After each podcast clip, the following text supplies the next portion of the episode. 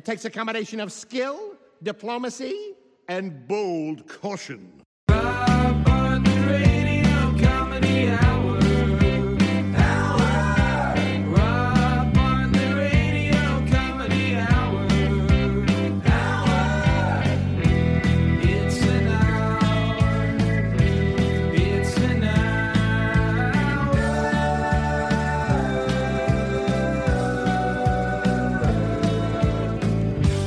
Welcome to the Rob Bartlett Radio Comedy Hour. I am Rob Bartlett, and this is my Radio Comedy Hour.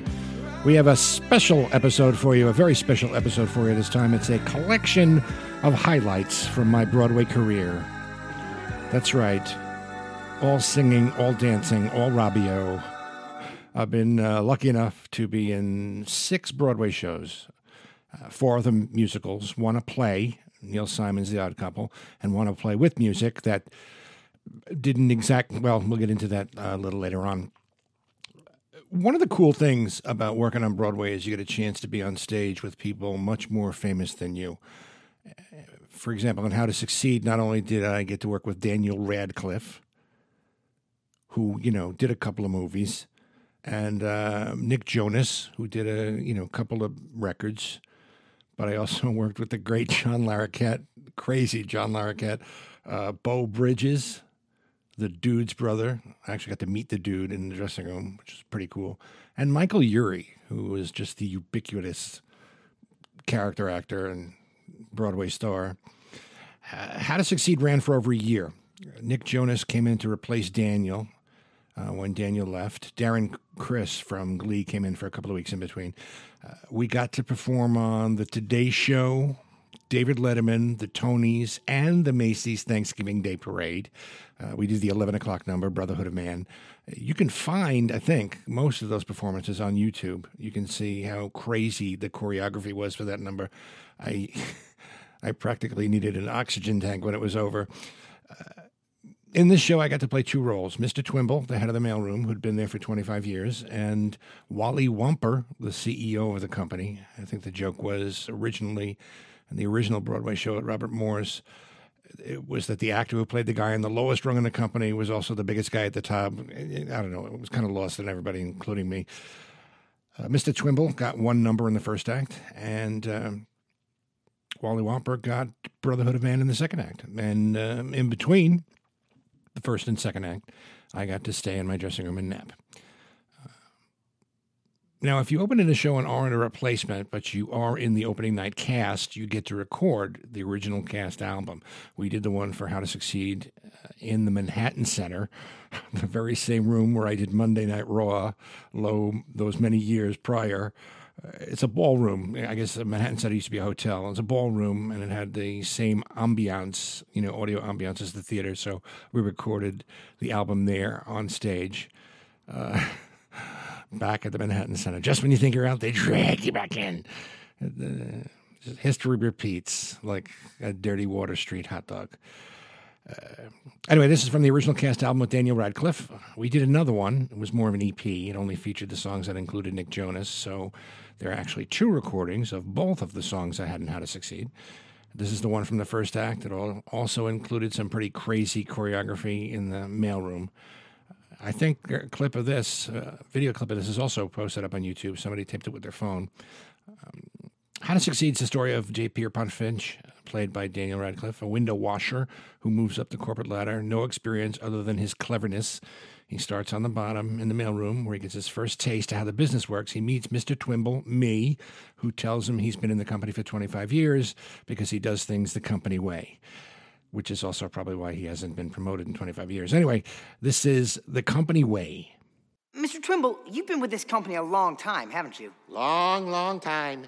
Just last month, I became a quarter of a century man. That's beautiful. Gee, a quarter of a century. And how long have you been in the mailroom? 25 years. Yep, it takes a combination of skill, diplomacy, and bold caution. When I joined this firm as a brash young man, well, I said to myself, now, brash young man, don't get any ideas. Well, I stuck to that, and I haven't had one in years. You play it safe.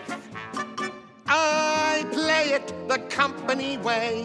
Wherever the company puts me there, I'll stay. But what is your point of view? I have no point of view. Supposing the company thinks. I think so too. Uh, what would you say I wouldn't say.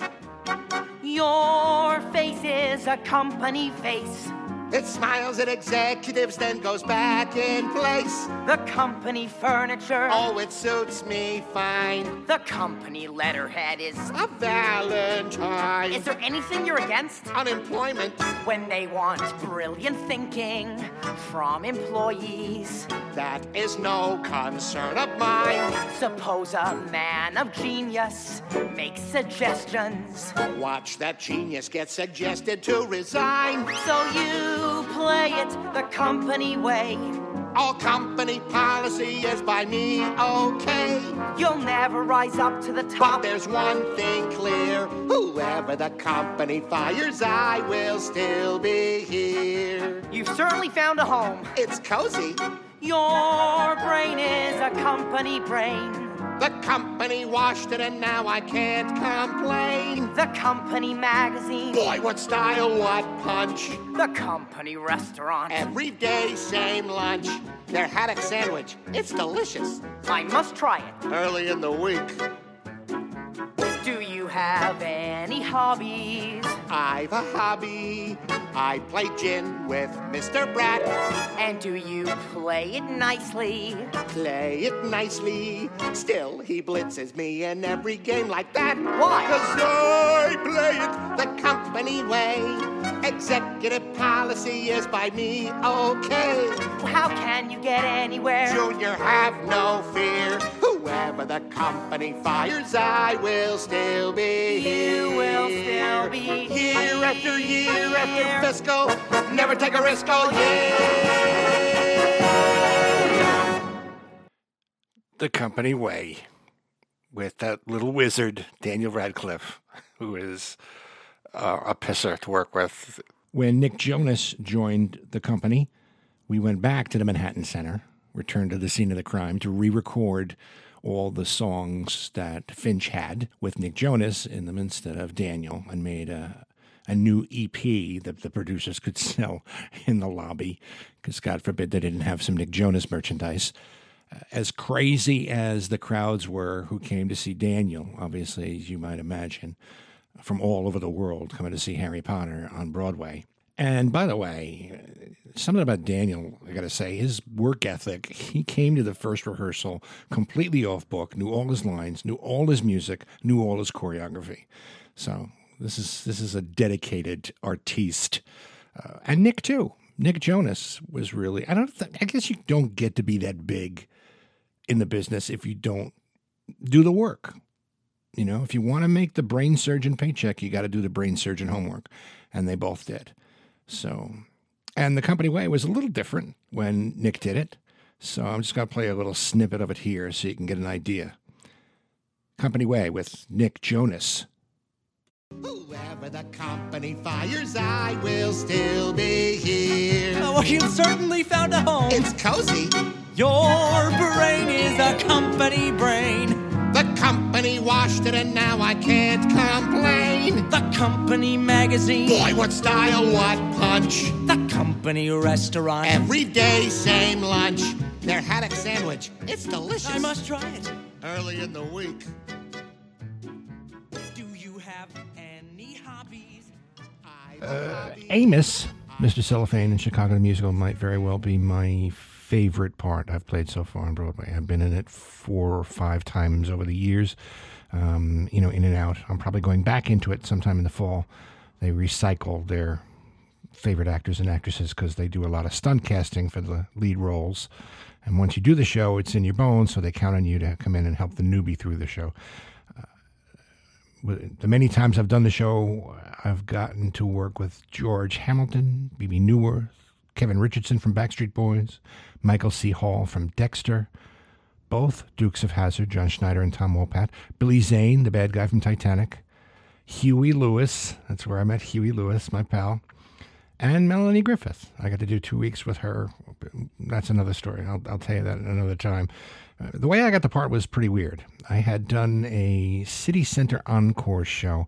That's a series in, here in, in the theater in New York where they take shows, musicals that haven't had a proper revival, and they do it as kind of a loose, hold your script, kind of in concert, but still staged musical. Um, that was at least back then. Now it's almost fully staged costumes and everything. They have sets and whatnot. They run it for two weeks. I think it's eight performances over two weeks.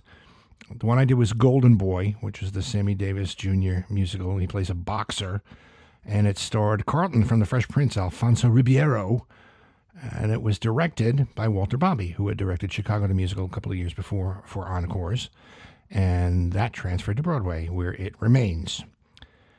Now, Jay Binder, who cast More to Love, the ill-fated show I started to tell you about before, he had me audition for Walter because he thought I'd be right for the part, and I got it and had a blast. It was Roxy, I think, one of the one of the managers of the fighter, the first of my overweight Jewish characters. which had become my signature, apparently. The uh, the Irish Catholic boy doing the fat Jewish guy. Go figure. I guess Fiddler on the Roof is next. Uh, Walter actually let me ad lib a couple lines to cover scene changes, uh, which I think he got a kick out of because every time I see him, he reminds me of it. So anyway, uh, one afternoon I was having lunch with Joyce Van Patten, who was in More to Love. She played my agent. Uh, we were at the little cafe over the Fairway Supermarket on the Upper West Side of Manhattan and Walter happened to be having lunch at the same time. Joyce knew Walter, so we both went over to join him for a nice little schmooze. He had remembered me from Golden Boy the year before. Now, unbeknownst to me at the time, Brad Garrett from Everybody Knows Raymond was supposed to be coming in to play Amos in Chicago, but got cast in the Jackie Gleason TV biopic and had to drop out at the last minute. So I guess Walter got the idea from lunch that maybe I could be a replacement for Brad Garrett. So the next day, my manager gets a call from Jay Binder who says Walter wants Rob to see the matinee tomorrow. And after the show, when the crowd's left, go up on stage and see Bob Billig, the musical director, and sing Mr. Cellophane for him. Which I did. I'd already seen it years earlier. And when I saw it, I remember thinking Amos would be the part I would kill to play. So I saw the uh, matinee, I think the understudy, was playing the part. I think the guy who was playing the part at the time was. Um, anyway. So I got out on stage, and uh, Bob played the piano, and I sang Mr. Cellophane. And that was it. We shook hands, and I left, and uh, I got a call in the car on the way home that I'd gotten the part. Now, I wasn't part of the original cast, but I happened to have been able to procure a little bootleg of a live performance. This is the Robio, the once and future Amos, Mr. Cellophane. I'm the father. Papa. Dada. Did you hear me? Did you? Nah, you didn't hear me. It's a story of my life. Nobody ever listens to me. Have you noticed that?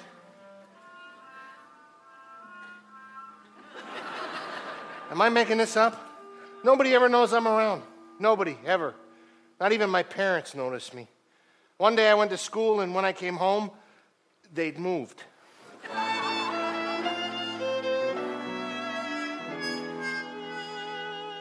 If someone stood up in a crowd and raised his voice up way out loud and waved his arm and shook his leg, you'd notice him. If someone in the movie show yelled, Fire in the second row, this whole place is a powder keg, you'd notice him. And even without clucking like a hen, Everyone gets noticed now and then.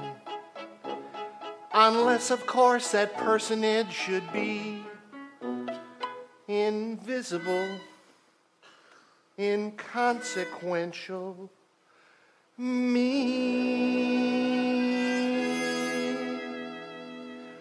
Cellophane, Mr. Cellophane, should have been my name Mr. Cellophane, cause you can look right through me, walk right by me, and never know I'm there. I tell ya, Cellophane, Mr. Cellophane, should have been my name, Mr. Cellophane, cause you can look right through me, walk right by me, and never know I'm there.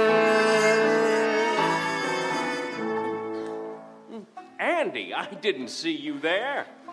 Amos, my, my name is Amos. Who said it wasn't?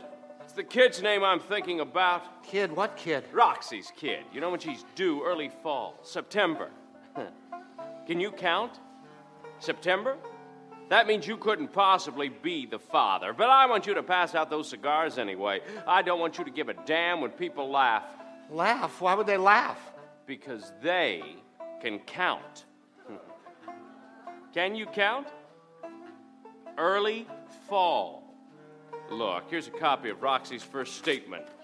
It says she hadn't copulated with you for four months prior to the incident. Oh, uh, that's right. We we hadn't done no copulating in four months. Early fall. Wait a minute. But I want you to forget about that. My client needs your support. If that don't figure out right. I, I couldn't be the father. Divorce her? Is that what you said? My God, man, you wouldn't divorce her over a little thing like that, would you? You're damn right that's what I'll do. I'll divorce her. She probably won't even notice. Oh, you still here, Andy? I thought you'd gone. Yeah, I'm still here. I think.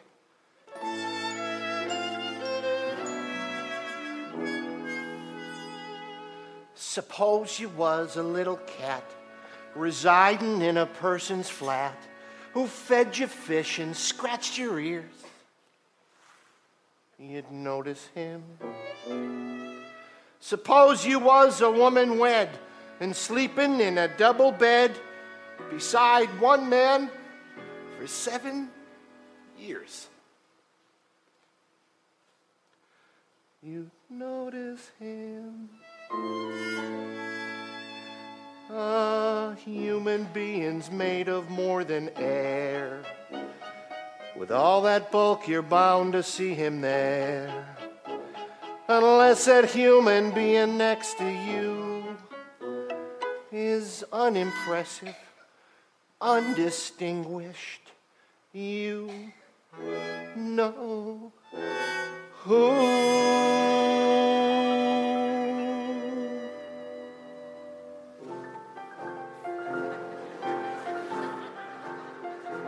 Should have been my name, Mr. Cellophane, cause you can look right through me, walk right by me.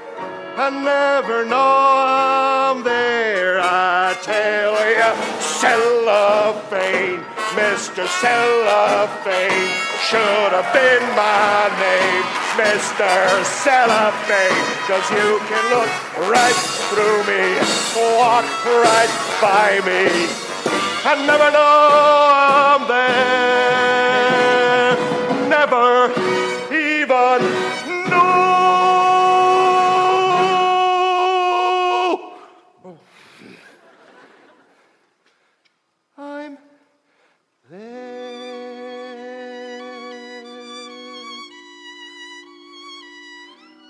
Hope I didn't take up too much of your time.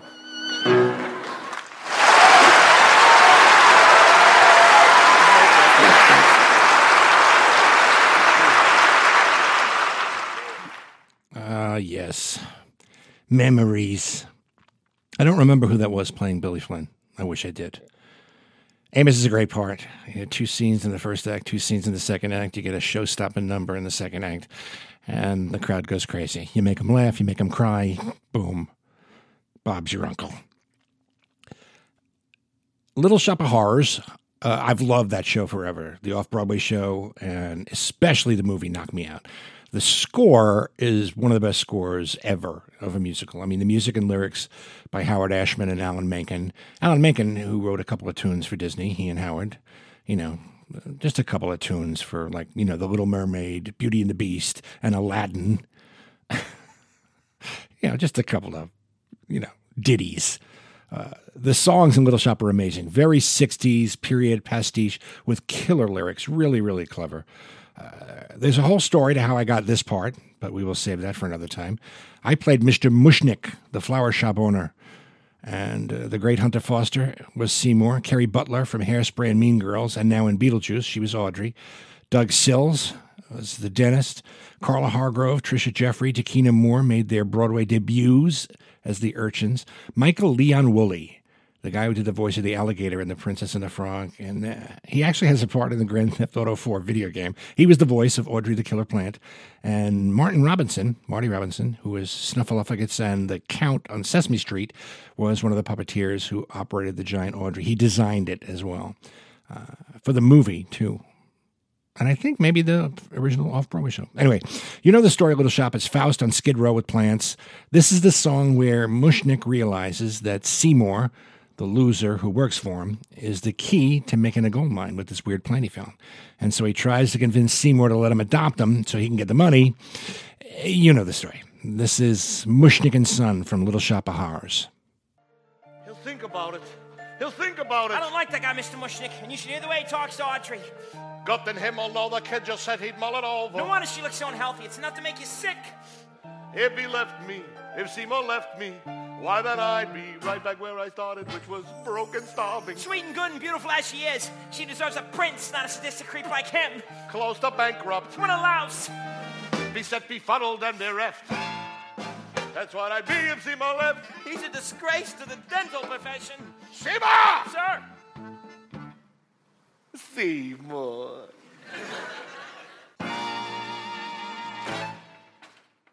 How would you like to be my son? How would you like to be my own adopted boy? I never liked him much before, but count the cash that's in the drawer. I got no choice, I must do poor. Say yes. What for? Seymour, I want to be your daddy. I want to see you climbing up my family tree. I used to think you left a stench, but now I see that you're a mensch. So I'm proposing me, my son. Mushnick and son. Sounds great. So sail and cooperate with me. A glorious dream come true. Mushnick and his boy chick you. What business will do for FTD? About to see my be my. To say the word, I'll get my lawyer on the phone. now, Mr. Mushnick, don't be rash. You always said that I was trash. Oh, I was joking. Sir, I'm joking. Excuse the physical expression of my pride, of the sweet paternal Michigas I've held pent up inside. Yeah, yeah, yeah. Yeah, yeah, yeah.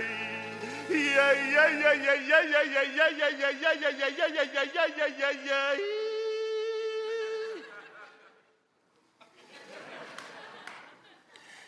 Gee. So, Well, well, I. you go ahead and say it, Seymour. Tell me that you will. Gee, I'd really like to, but. I'll hold my breath until.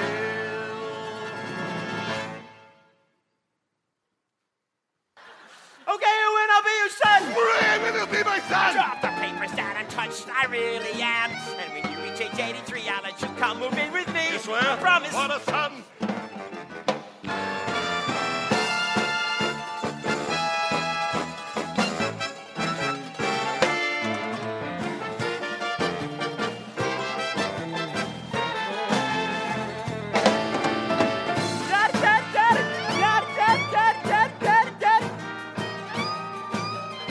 In trouble, sickness, and in health, we'll share the planet, share the wealth. I'll call my lawyer, Call me son. son, Mushnick and son. That's that. Officially, I'm your brat. Consider the matter closed and done. Now to the world, let's stick. Now senior and junior stick. Through thin and through thick. Hey, through snobby and slick. So come kiss me quick. Please don't make me sick. Mushnick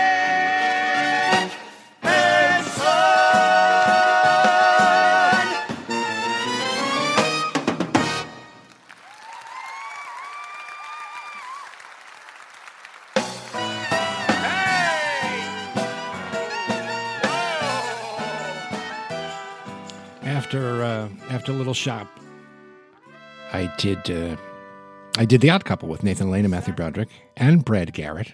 Another example of how history repeats itself. While I was doing that, rehearsing that during the day, Neil Simon asked me if I'd fill in for Ernie Sabella, who was ill, as Herman in Sweet Charity with Christina Applegate around the corner at the at the Hirschfeld Theater. So I'd leave rehearsal for the Odd Couple at around five o'clock. I'd go to the theater, do Sweet Charity at night, and get home on Long Island at midnight, and then oh yeah, get up at uh, three thirty to go to Secaucus, New Jersey, to MSNBC where we did the Imus in the Morning program. I did that for an entire summer. So technically, I should be dead. But I made my Broadway debut in a show that I wrote myself called More to Love, a Big Fat Comedy. It played at the Eugene O'Neill Theater for 17 previews and four performances, and the pull quote from the Times was Avert your eyes. Not a critical smash. It was the story of an overweight stand up comedian and Beatle fan. I really stretched my acting muscle. Uh, he was turning 40 and depressed and cleaning out his garage, dealing with a strained relationship with his father. And I used this stuff in the garage, like Jonathan Winters used to do when he was on TV, you know, use them as props to do bits and characters from my stand up act. It also starred the aforementioned Joyce Van Patten, who played my Agent Max, and Dana Reeve, the sweet, lovely Christopher Reeve's wife, Dana.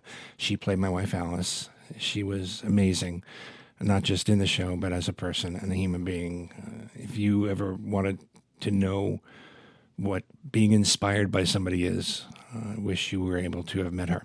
She was just an incredible, incredible lady. It wasn't a musical, but there were two songs. One, the title song, sung by Dana and written by Gary Grant and myself, which was kind of a cool 60s upbeat Dusty Springfield ballad. And this song, which ended the show, I used to finish my stand up act with She Loves You, an encore sometimes. And I would act out all four of the Beatles, kind of like a pantomime karaoke. Of course, we couldn't get the rights to the actual Beatles song, so Gary and I wrote a Beatlesque song, kind of like that thing you do, pastiche of all the Beatle musical signatures. It wasn't She Loves You, but it sounded a little like it, hence the title. Uh, this isn't available anywhere. We didn't get time to record the original cast EP. It's not on YouTube or Spotify, but here it is from the tragic Broadway flop More to Love. Sounds like She Loves You.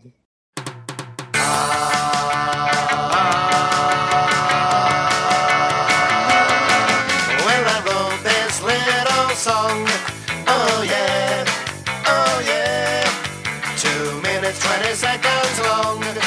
Oh yeah, oh yeah. So I could get this little girl to fall for me the way she did for John and Paul.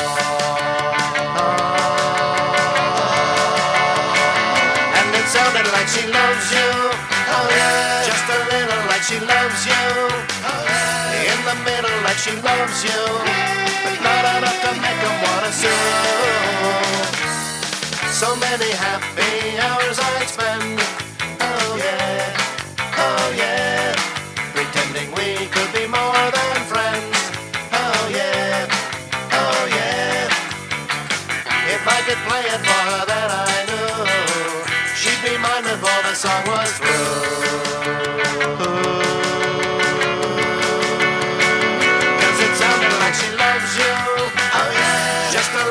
Like she loves you.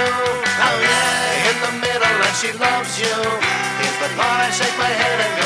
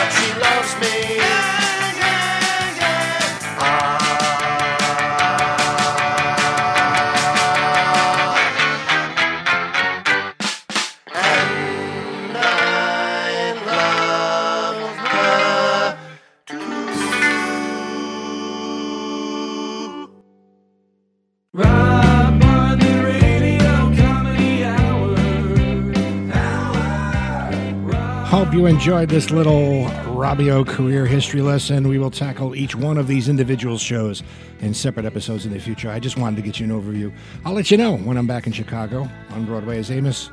I'll post it on the Rob Bartlett Radio Comedy Hour Facebook page and tweet it on at the Robio and Instagram, Robio007 and Rob Bartlett Radio Comedy, two separate accounts. And you can subscribe to us, robbioradio.libsyn.com or wherever you get your podcasts, and you'll automatically receive every episode. So it'll be waiting for you the moment it drops. Our program is produced by Gary Grant and me, Rob Bartlett, written by the great Andrew Smith and me, Rob Bartlett, hosted by me, Rob Bartlett. The Rob Bartlett Radio Comedy Hour theme song, music and lyrics by Gary Grant, recorded and performed by Steve Mecca. No animals were harmed in the production of this podcast. See you next time, boys and girls. But until then, be good to each other, won't you?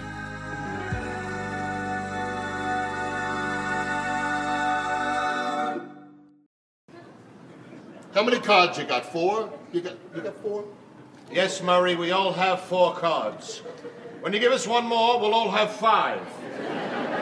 If you gave us two more, we'd have six. Understand how it works now? I told my I'd be home by one the latest. We're making an 8 o'clock plane to Florida. I told you that when I sat down. Don't cry, Vinny. You're a grown man. It's embarrassing. Give me two. Who goes to Florida in July? It's off season. There's no crowds, and you get the best room for one tenth the price. No cards. Some vacation, six cheap people in an empty hotel.